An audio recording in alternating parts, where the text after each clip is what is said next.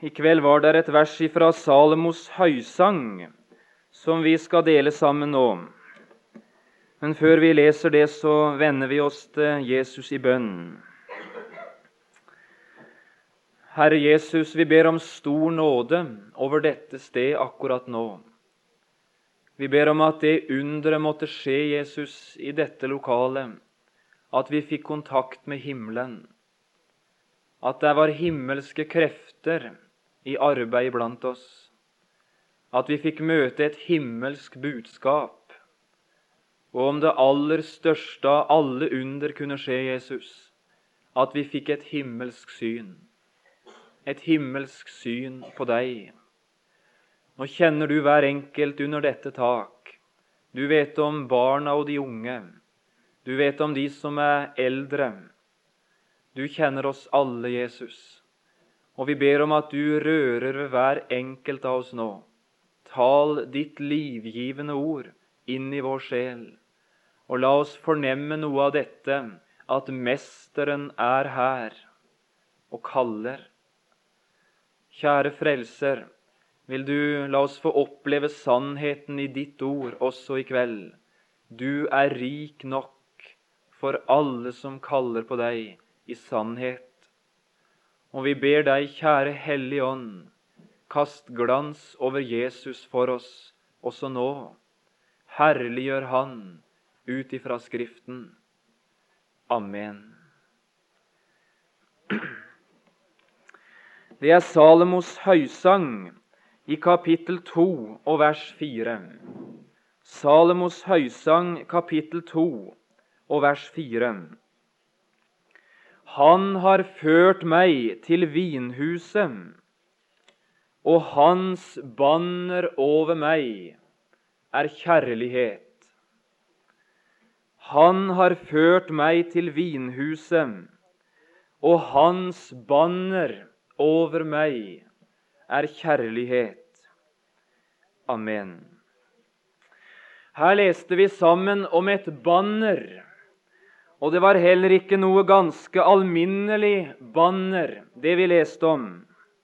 Det var Gud selv som hadde reist sitt banner i denne verden. Og så sier han som har skrevet i Høysangen, noe om dette banner. Hans banner, altså Herrens eget banner. Hva er det for et banner? Hans banner over meg er kjærlighet. Og jeg hadde i grunn bare ett ønske og én bønn for prekenen og ord i kveld. Det var at du virkelig måtte få se hva det er for et banner som Gud har reist i denne verden. Sjøl har jeg i alle fall trang å si det slik. Du verden og glad jeg er at den dagen kom i mitt liv, da Gud selv trekte sløret til side og jeg fikk se det banneret. Du og glad jeg er at i møte med det banner så hørte jeg et ord og et kall. Kom. Og så fikk jeg ung og noe redd, uvitende, nesten noe skjelvende, gå hen under det kjærlighetens banner. Og så har det underet skjedd at jeg har fått være der til denne dag. Du verden og glad jeg er for det. Og jeg hadde lyst til å si det til deg som er her i kveld. Det er ingen plass i denne verden så rikt og velsigna og trygt og godt å leve som under Herrens eget banner, kjærlighetens banner. Det var jo det vi sang om. Husker du det? Under Frelserens banner jeg glad skrider frem og som Han er, skal jeg bli en gang. På min vei mot det evige himmelske hjem vil jeg prise ham glad med min sang. Og er det som stråler fram av det verset? Det er noe av lykken som det mennesket får oppleve som er under kjærlighetens korsmerkede banner med sitt liv. Og Det var det vi skulle tale litt om i kveld. Hva er nå egentlig et banner for noe, da? Det må vi jo ha en viss peiling på. Det hjelper jo ikke at predikanten står på prekestolen og snakker om banneret hvis vi ikke vet hva et banner er. Det må vi jo ha peiling på først. Hva er et banner for noe? Ja, Slår vi opp i all verdens flotte og fine oppslagsverk, så vil vi finne omtrent som følger. Et banner, det er tre ting. Det er for det første høvdingens merke. Et banner, det er høvdingen eller kongen sitt kjennemerke, om du vil. Det er et bestemt tegn eller en bestemt fane eller hva det nå er, som han har laget, eller den slekten som han hører til. Og når mennesker ser dette bestemte banner, så forbinder de banneret med han som har laget det. Det er det ene. Banneret, det er høvdingens eget merke. Det andre, det er dette. Et banner er i grunn folkets samlingspunkt. Det er det som samler det folk som hører høvdingen til. På samme måte som flagget på en måte er det som samler det norske folk, så er banneret samlingspunktet for det folk som hører høvdingen til. En får jo en litt underlig følelse ikke sant? hvis en er i utlandet og så ser en det norske flagget vaier. Det er noe med det flagget, det er noe med det tegnet og de fargene. Det vekker noe igjen. En vet at 'her hører jeg hjemme'. Banneret, det er samlingspunktet for høvdingens eget folk. Og det tredje banneret, det er det merket som høvdingens hær reiser og går inn i striden under. Du har gjerne sett tegninger eller illustrasjoner fra gamle dager, da høvdingene og hærene tumla sammen på slagmarken, ikke med tanks og raketter som det skjer i vår tid, men med håndvåpen og av og til med hester og slikt noe. Da finner vi i nærheten av høvdingene en mann som er uten våpen. Han bærer en fane, han bærer et banner. Og under dette banner så kjemper høvdingen og hele den hær som bekjenner hans navn og hører hans folk til. Banneret, det er altså hærens eget hærmerke. Og så har vi noe peiling på hva et banner er. Og du som leser din bibel, du vet jo det, at Skriften kaller Jesus for vår frelses høvding. Det uttrykket er brukt i Hebreerbrevet 2.10. Jesus steg inn i vår verden som høvding. Og som høvding så reiser også Jesus sitt banner i verden. Og Det vi skulle gjøre et forsøk på i kveld, det var å løfte det banneret fram ifra Guds ord. At vi fikk se noe av hva det forteller oss om vår høvding. At det kunne lære oss noe om det folk som hører frelsens høvding til, og at det også kunne hjelpe oss til å stride på rett måte i den åndelige kamp i denne verden. Om ordet kunne vekke den trang i ditt hjerte, det er hit jeg må. Det er under dette banner jeg må leve. Ja, så hadde ordet nådd sin hensikt. Hans banner over meg er kjærlighet. Hva forteller dette frelsens og kjærlighetens banner oss? Det forteller oss fire ting, og nå skal du få de i rekkefølge. For det første dette. Under kjærlighetens korsmerkede banner så fører Jesus en gang for alle frelsens sak til seier. Kjærlighetens korsmerkte banner som er reist i denne verden, ved Golgata, det banneret vitner om en fullbrakt frelse, og vitner dermed også at du og jeg vi er altfor seint ute til å gjøre noe til vår frelse. Det var én som kom, frelsens høvding. Han førte frelsens sak til seier så fullkomment at da han utåndet i denne verden, så lød det tre ord det er fullbrakt. Og Jeg hadde sånn trang å peke på det banneret i kveld og si nå skal du feste ditt blikk på korsets og kjærlighetens merke. Og så skal du ta imot det budskap fra det korset om at frelsens sak for deg, den er ført til fullkommen seier. Da Jesus trådte inn i denne verden, så møtte det han en menneskeslekt i opprør. Der sto ingen velkomstkomité på Betlehemsmarkene eller ved stallen i Betlehem. Der sto ikke en verden parat og sa 'Nå var det godt du kom, Jesus'. 'Nå har vi venta og lengta og håpa på deg i lange tider'. Det var ingen. Men der møtte ham tvert imot en menneskeslekt i opprør. Han kom til sitt eget, ja, men hans egne tok ikke imot ham. Det var ikke et 'velkommen, Jesus', men det var en slekt som sa 'bort med ham'. I møte med kjærlighetens herre og mester så stiller det seg fram et folk i opprør, et folk i fiendskap og i gjenstridighet. Og gjør Jesus med det? Møter han fiendskap med fiendskap? Møter han hat med hat? møter han motstand og kulde med den samme kulden? Å nei. Opprørsfanen, den møtes med kjærlighetsbannere. Hatet, det møtes med kjærlighetens varme. Motstand og opprør møtes med hengivenhet og åpenhet.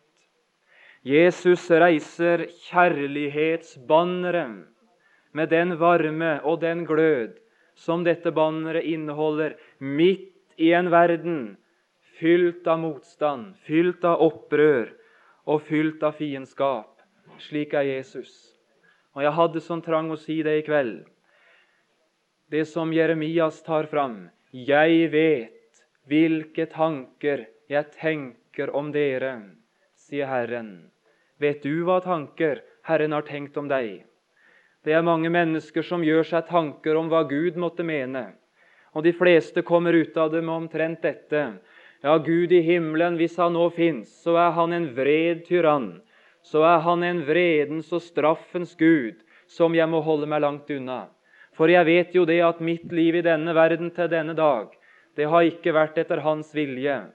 Så de tanker Gud måtte ha om meg, det måtte være tanker til dom og til straff. Nei, sier Herren, jeg vet hvilke tanker jeg tenker om dere, men det er dere som ikke vet. Hva tanker er det? Ikke tanker til ulykke, men til å gi dere fremtid og håp. Husker du ifra Lukas 9? Der står kjærlighetens apostel og broren hans på et tidspunkt før de var skikka til å bli kalt kjærlighetens apostel. Der står det to menn som hadde opplevd at oppdraget fra Jesus det var mislykka. De var kommet inn i en by, og så hadde de opplevd at folket hadde møtt dem med motstand, og de ville ikke ha noe med dem å gjøre. Og Så kommer det to nydelige tjenere tilbake. Der står Johannes, og så står broren. Og så lyder det, 'Mester, vil du at vi skal byde ild falle ned fra himmelen og fortære dem? Det er noe til evangeliseringssinn. Det er noe til hjertelag. Men slik er denne verden. Motstand møtes med motstand. Fiendskap med fiendskap. Hat med hat. Avvisning med tanke på dom. Og sier Jesus, dere vet ikke hva ånd dere er av. Dette er ikke Gud. Dette er ikke kjærlighet. Dette er ikke den hellige nidkjærhet og varme. Og så sier han det som er saken.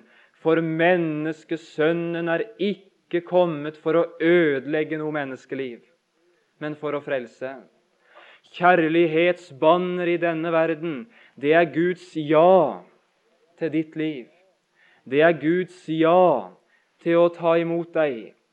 Det er Guds tro på at du skal være så viselig før det er for seint, at du løper hen til korset og åpner deg for frelsen i Jesus. I Malakias i kapittel 1 og det andre verset der så løfter profeten på en måte dette banneret. Og så står han fram på Herrens vegne og sier det. 'Jeg har elsket dere', sier Herren.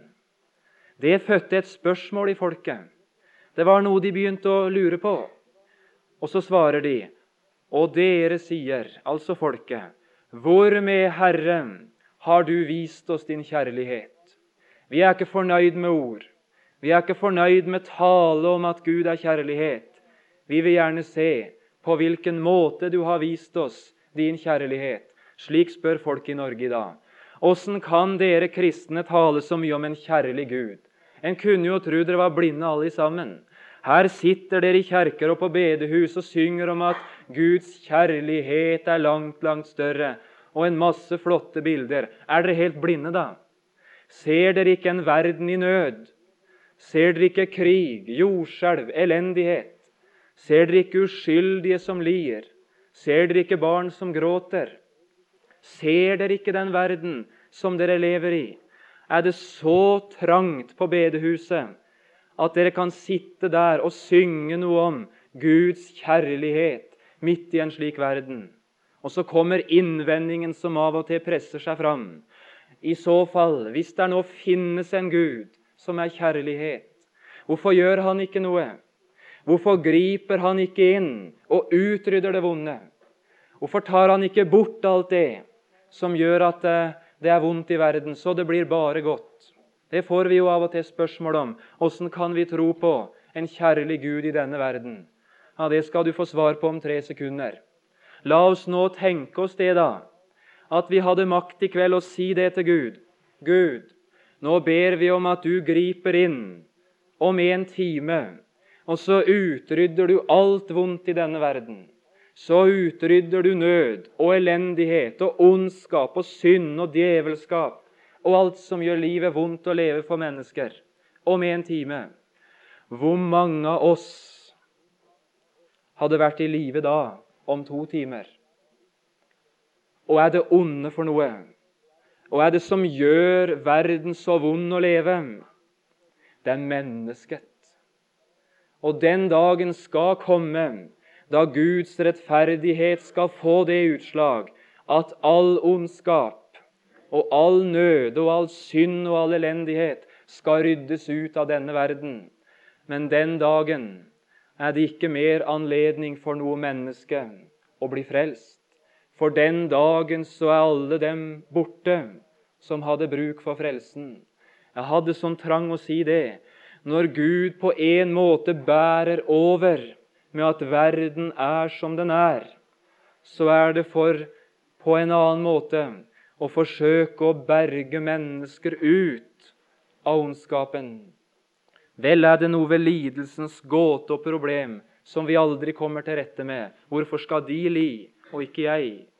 Hvorfor skulle jeg bli født i et land som Norge, og noen bli født på den andre sida av verden, under de vilkår som de lever under. En kommer aldri til rette med det. Men det som er saken Gud viser sin kjærlighet mot oss. Det gjør han ikke bare i ord, men i gjerning. Og det er et bestemt sted du skal få se det for dine øyne, at Gud har kjærlighets- og fredstanker med ditt liv. Det er på korset. Gud viser sin kjærlighet mot oss derved på den måten, på dette sted, at Kristus døde for oss mens vi ennå var syndere. Midt inn i en vond verden stiger en frelser, så fyll av kjærlighet at han ikke gikk av veien endog for døden. Hvorfor gjorde han det? Det var for å åpne muligheten for gjenstridige, vonde mennesker å finne samfunn med Herren.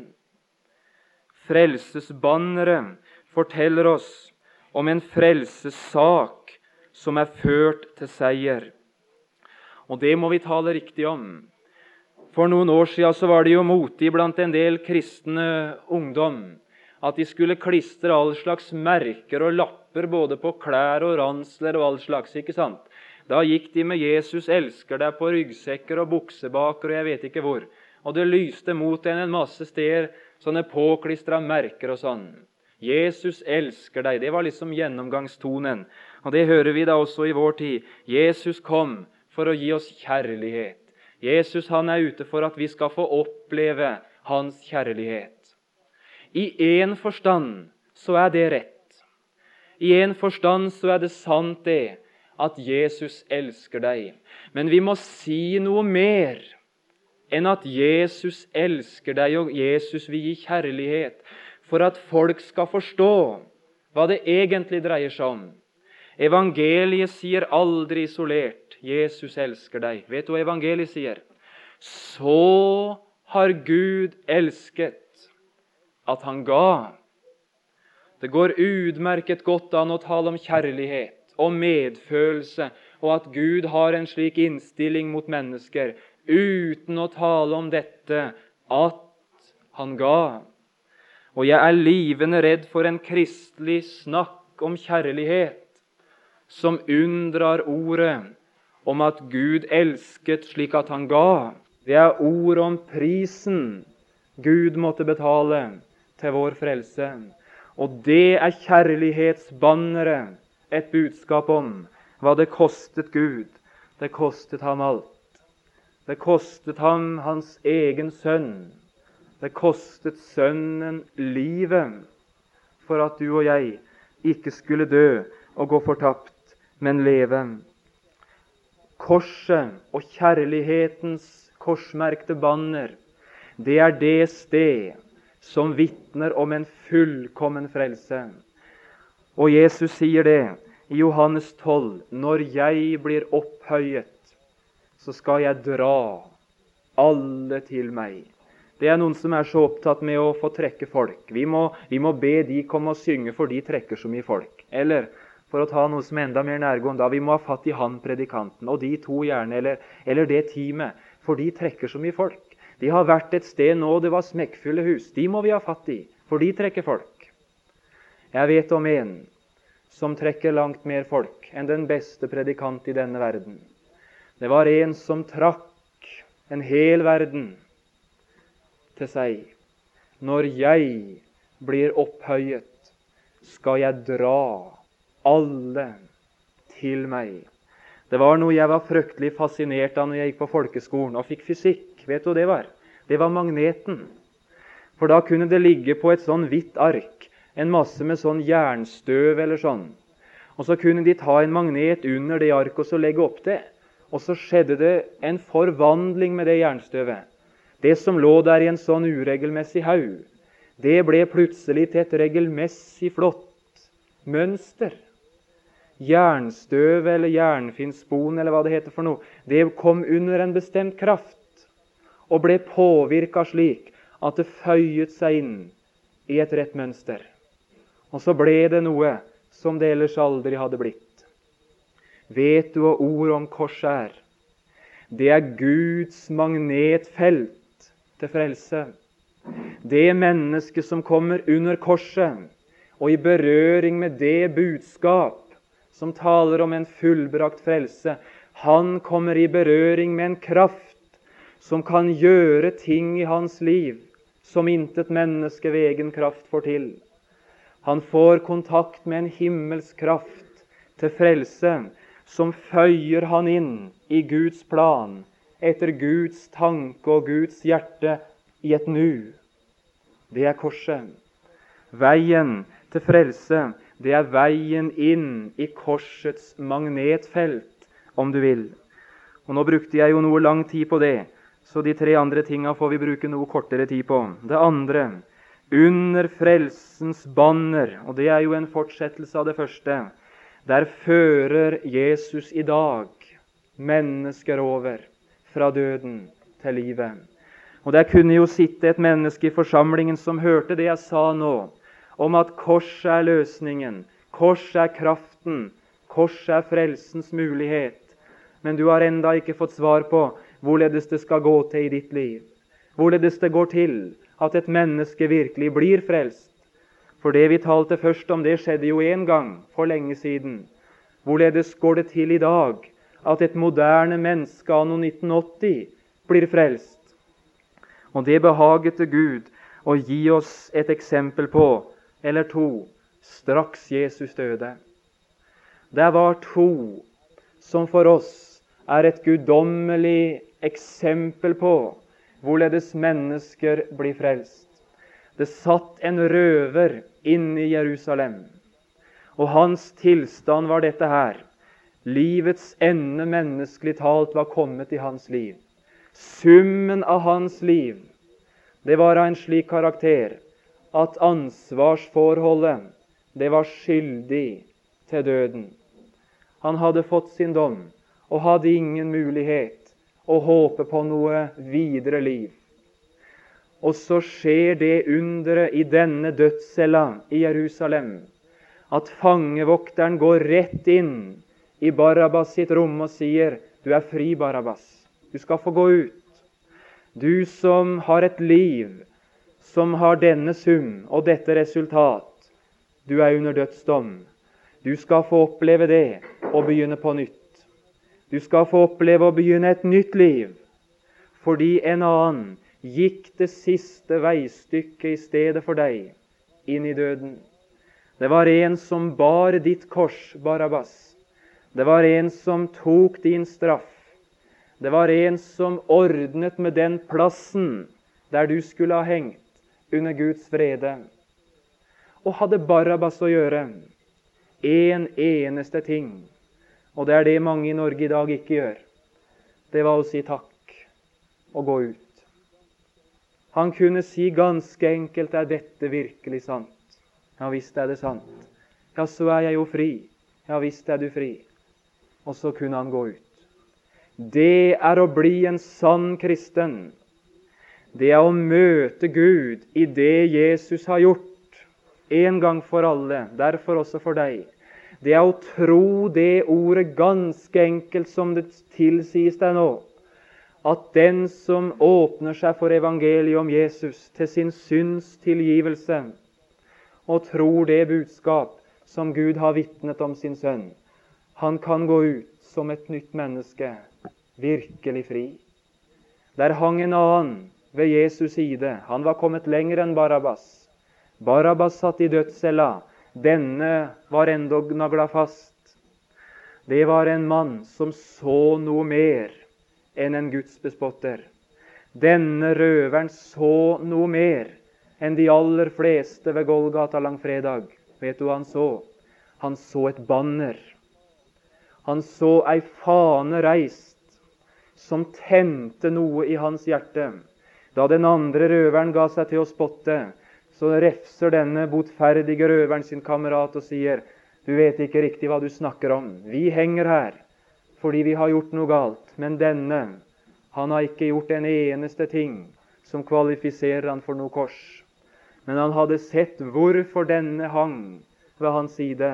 Og så fødtes bønnen som fører til frukt av kjærlighetens banner i et menneskeliv. Jesus, kom meg i hu når du kommer i ditt rike. Og hva var det Jesus gjorde? kom han til å tenke på den røveren når han nå henvendte seg til han.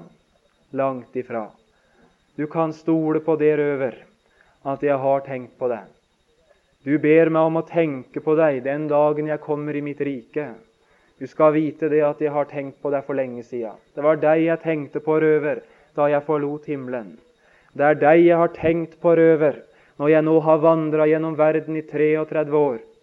Det var deg jeg tenkte på, røver, da de spytta på meg, da de slo meg, da de behandla meg på en måte som var under all mulig menneskelig verdighet. Det er fordi jeg har tenkt på deg, røver, at jeg henger her. Og så kommer ordet fra den frelser som hadde tenkt på ham før verdens grunnvoll ble lagt. Sannelig, i dag skal du være med meg i paradis. Og jeg ville så gjerne si det Korsets banner, det er ord om en frelser som tenkte på deg. Som tenkte så kjærlig på deg at han ga alt for at du skulle få leve. Det å bli et Guds barn, veien inn i Guds frelse, det er hjertet som rettes på Jesus. Det er hjertet som er ferdig med troen på seg selv, og som bare har Han igjen. Holder ikke det Jesus gjorde, nei, så holder ingenting. Og så stussa du kanskje på dette tekstordet 'Han har ført meg til vinhuset'. Hva er det for slags snakk? Det betyr ikke at Jesus fører noen troende inn i et slags drikkegilde. Langt ifra. Men vinen det er gledens symbol i Det gamle testamentet. Og så fikk, den, fikk denne botferdige røver virkelig være med inn i vinhuset, inn i gledens saler, om du vil. Han fikk toget like inn i de saler der gleden er usigelig og herliggjort. Og det vitner Salomo om her. Han har ført meg til vinhuset. Og hva er det som skjedde med deg som er en kristen da du møtte Jesus? Han førte deg ut av syndenøden og av meningsløsheten og håpløsheten. Og så førte han deg inn i en ny stilling, et nytt forhold til Gud. Du var tilgitt. Det var i orden. Du fikk begynne på nytt. Og så fødtes der en usigelig og herliggjort glede. Du og godt, han førte oss inn i vinhuset, inn i gledens saler. Det var noen som var på vei ned i Samaria, apostelgjerningen 8. De dro ned i Samaria, og så forkynte de én ting, vers 5. De forkynte Kristus. Det er det vi er bedt om å forkynne. De forkynte Kristus. De malte Kristus korsfestet for hjertene i Samaria. Hvorledes gikk det? Vers 8. Det ble stor glede der i byen. Det var mennesker som fikk se og tro og leve. Og så ble de ført inn i Guds nærhet, inn i vinhuset. Og så fødtes noe av denne gleden som bare en frelst synder vet hva er. Den glede som heter 'Salig er den hvis overtredelse er forlatt, og hvis synd er skjult'. Salig er det mennesket som Herren ikke lenger tilregner misgjerning. Det er vinhuset, det er gledesalene, og alt nå kjenner vi en forsmak på hva det skal bli en gang, da Frelseren skal føre sine inn i de evige gledesaler, da vi til fulle skal kunne se hva det betydde at han ga sitt liv som en løsepenge for mange. Men du skal få begynne å nyte vinen allerede her. Og Så var det to ting til slutt. Og nå var det et ord til deg som er en kristen, som ikke har det så lett i ditt kristenliv. Det var det tredje, altså. Det er under kjærlighetens banner at Gud i dag fører sine barn. Han har reist et banner over ditt kristenliv over hele ditt liv i denne verden som bare har én eneste overskrift. Det er kjærlighet. På de lyse, lette dagene da alt går med, ingen motgang, ingen nød, alt er vel, da ser du dette kjærlighetens banner, og du synger det av hjertet. Å, hvor Gud har vært god imot meg. Men så kom du inn i dager som bød på motgang. Gud rørte ved ting i ditt liv på en måte som du aldri hadde tenkt. Det som hadde gått så lett og så lyst og så greit framover, det tok slutt. Og så opplevde du motbør i ditt kristenliv, motgang og nød, på en måte som du aldri hadde opplevd før. Det gikk såpass hardt imot at du var i ferd med å stanse opp og falle til jorden. Jeg hadde så lyst til å si når motgangen og motvinden, om du vil, er som hardest, så skal du se opp. Det er aldri noen dag du kan lese kjærlighetens bokstaver så tydelig som den dagen når motvinden spenner kjærlighetsbanneret som et stramt seil. Der det er vindstille, så henger det ganske slapt. Vi kan ane hva der står. Vi vet hva der står, men ser det ikke med så all tydelighet. Men når vinden og motgangen spenner det ut, så kan vi lese det. Alle ting tjener dem til gode som elsker Gud. Jeg fikk et lite glimt av det da far døde når jeg var 15 år. Jeg fikk, tror jeg, til jeg sier nåde av Gud til å se litt opp på et banner som også nå hadde denne innskrift. John, hans banner over deg, det er kjærlighet. Også nå.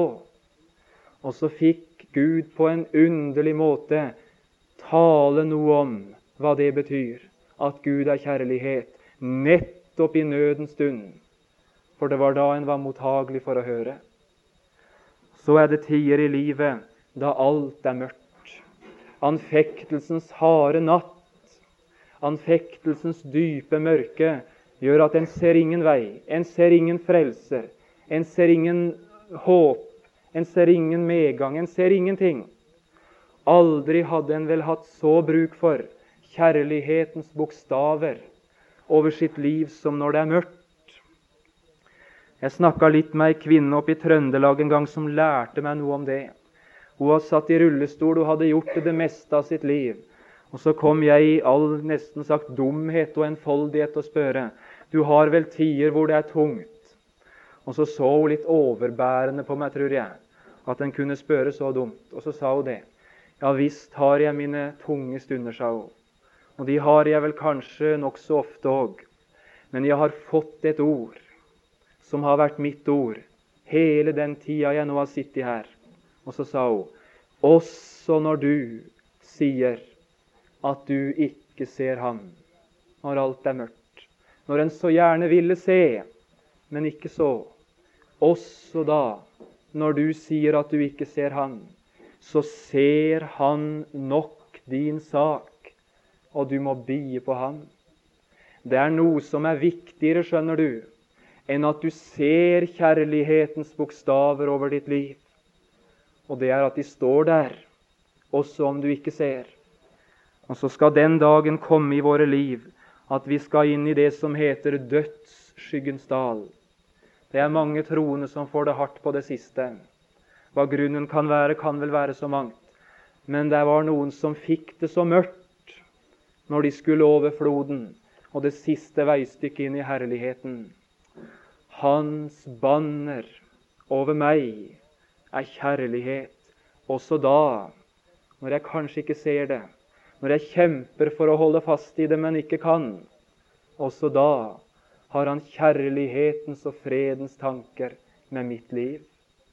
Kjære troende venn, om du er i mørke eller i motgang, du har opplevd at Gud har rørt ved ditt liv på en måte som du nesten ikke vet du kan bære. Hans banner over deg også nå er kjærlighet. Og så slutter vi med det. Det siste. Det er under dette banner at vi som hører Herren til, skal ha frimodighet i kampen for sjelene. Og Det er en underlig beretning i 2. Mosebok 17 som du skal lese når du kommer hjem. I slutten av det kapitlet. Det er en underlig strid. Det er Israel imot Amalek i Refidim. Der tørner to hærer sammen. Det er Amalek og hele hæren. Og så er det Josva og Israels barn. Den kampen og det slaget ble ikke avgjort nede på slagmarken, men oppe på en høyde ved siden av sletta. Der sto en mann med Guds stav og løftede armer mot himmelen. Og så står det noe underlig så lenge Moses hadde sine armer løftet mot himmelen, var Israel på overtaket. Men så står det noe om at Moses' armer begynte å synke. Han ble trøtt. Og når Mos arme sank, så kom Amalek på overtaket. Så gikk Aron og Hur opp, husker vi. Og så stiller den ene seg her, og den andre her. Og så støtter de Mos armer. Og så står det så vant Israel den dag en stor seier for Herren. Og så står det Skriv dette opp i en bok, og prent det i Josvas ører, underforstått så han ikke glemmer det. Herren er mitt banner. Vet du hva jeg er livende redd for i vårt kristne arbeid? at vi ikke retter forventningen høyere enn til prekestolen. Når storpredikanten kommer, så stoler vi på han. Når den, unnskyld uttrykket, lille predikanten kommer, ja, så regner vi ikke med noen ting. Og så retter vi våre hender åndelig talt mot storpredikanten, mot ungdomskoret, mot de nye metodene, mot de glimrende lederegenskapene, eller hva det nå er. Nei, sier Herren, det må rettes høyere. Og skulle vi minne hverandre om det i kveld, at vi retter våre åndelige armer langt høyere enn prekestol og menneskelige kvalifikasjoner, men mot Han. Da skal vi oppleve det som det står i slutten av kapittelet. En hånd er utrakt fra Herrens trone. Hva er det for en hånd? Det er den allmektige hånd. Det er den kjærlige hånd. Det er den hånd som vil at alle mennesker skal bli frelst. Under kjærlighetens banner, ved det å male Kristus korsfestet for en døende verden, skal vi oppleve at Herrens arm er utdrakt til frelse, også i 1980. Og jeg ville slutte med det. Nå må du være frimodig, kristne venn. Og jeg hadde trang å si du skal få slippe å ha tro på noe annet enn dette ene korsets evangelie. Ord om en korsfestet frelser. Gå med det, og du skal oppleve at det kan bli liv og seier og frelse også i dine omgivelser. Lykke til, troende venner på åkra. Reis Kristus korsfestet. Og så skal vi oppleve det vi har opplevd mange ganger, at Herrens arm er utdrakt til frelse også nå. Herre Jesus, takk for kjærlighetens vidunderlige banner. Takk for det kors og det blod som rant på Golgata. Takk, Herre Jesus, at du gjorde alt til vår frelse. Og nå ber vi ganske enkelt Jesus om at vi er av de som er vise til frelse. At vi er av de som klynger oss til korsets fot. At vi er av de som ikke vet oss noe annet til frelse enn det du har gjort. Og så får du hjelpe oss, Jesus, på vår vandring mot himmelen når det er mørkt og tungt og vanskelig at vi får være og hvile under korset også da. Takk, Herre Jesus, at du også denne kveld minner dine om det. Alle ting tjener dem til gode som elsker deg. Gi oss ubegrensa tro når det gjelder vår tjeneste, Jesus, på den korsfestede og oppstandende frelser. Takker vi deg for ordet Takk, Jesus, at ditt banner over oss er kjærlighet. Amen.